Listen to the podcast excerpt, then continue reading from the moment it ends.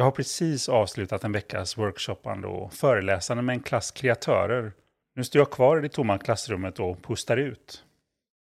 När jag samlar ihop mina saker ser jag hörnet av en gul post-it-lapp som sticker ut från min anteckningsbok. Jag läser vad som är skrivet på lappen och blir alldeles varm. Hej, mitt namn är Christer Hedberg och det här det är den hållbara chefens kortavsnitt. För den hållbara chefen består av två delar. Lindas längre intervjuer med ledare och korta avsnitt med mina tankar kring hållbart ledarskap. Den här gången handlar det om ord som betyder något och en fundering på varför vi säger dem så sällan. Christer, mitt första intryck av dig, det var lite skrämmande. Sen började du prata och oj vad fel jag hade. Vill bli vuxen som du, det vill säga inte alls. Blir jätteinspirerad. Tack för första veckan på skolan.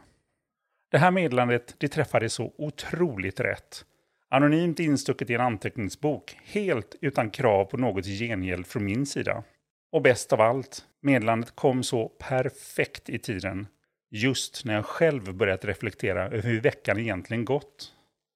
Nu har det gått två år sedan jag fick den här lappen, men den finns fortfarande med mig. För på väggen på mitt kontor så sitter den inramad som en påminnelse om att det jag gör faktiskt gör skillnad. I alla fall för några. Jag arbetar en hel del med att hjälpa teamorganisationer att skapa en kultur av feedback. Och då slås jag ofta av hur svårt det kan vara för oss människor att ge det där berömmet. Ibland kanske det är av rädsla för att det ska tas emot fel av mottagaren. Ibland för att man tycker att de här små sakerna är inte är så jäkla viktiga.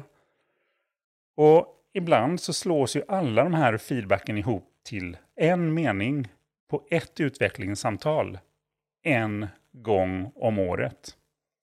Visst är det väl lite tragiskt att vi inte pratar mer med varandra om de här sakerna och ger varandra pepp längs vägen i vardagen hela tiden. Jag tycker vi förtjänar att få mer snälla ord, beröm och upplyftande feedback. För visst mår man bra när man får beröm och tack som känns ärligt menade.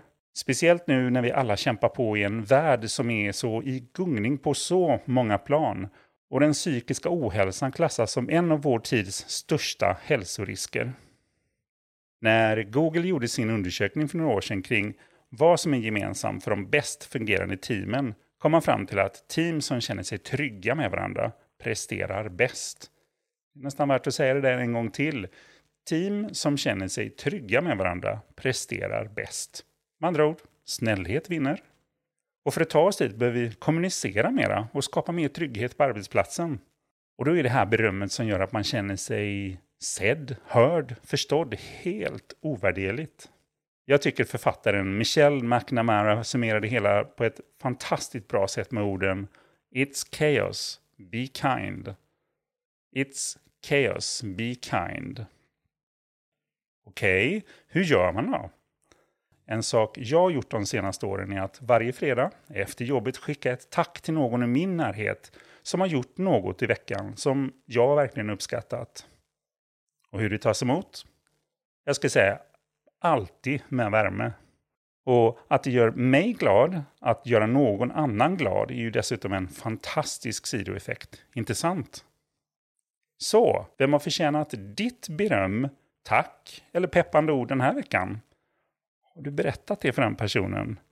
Varför inte skicka ett sms, ett mail eller ringa upp den personen och berätta det? Jag kan nästan garantera att den personen kommer att uppskatta det berömmet.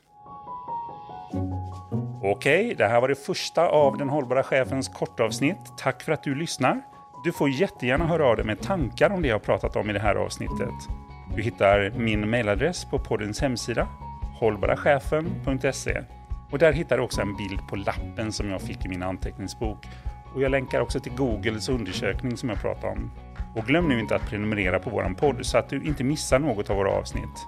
Lindas intervjuer med ledare och mina korta tankar om hållbart ledarskap. Vi hörs, hej då!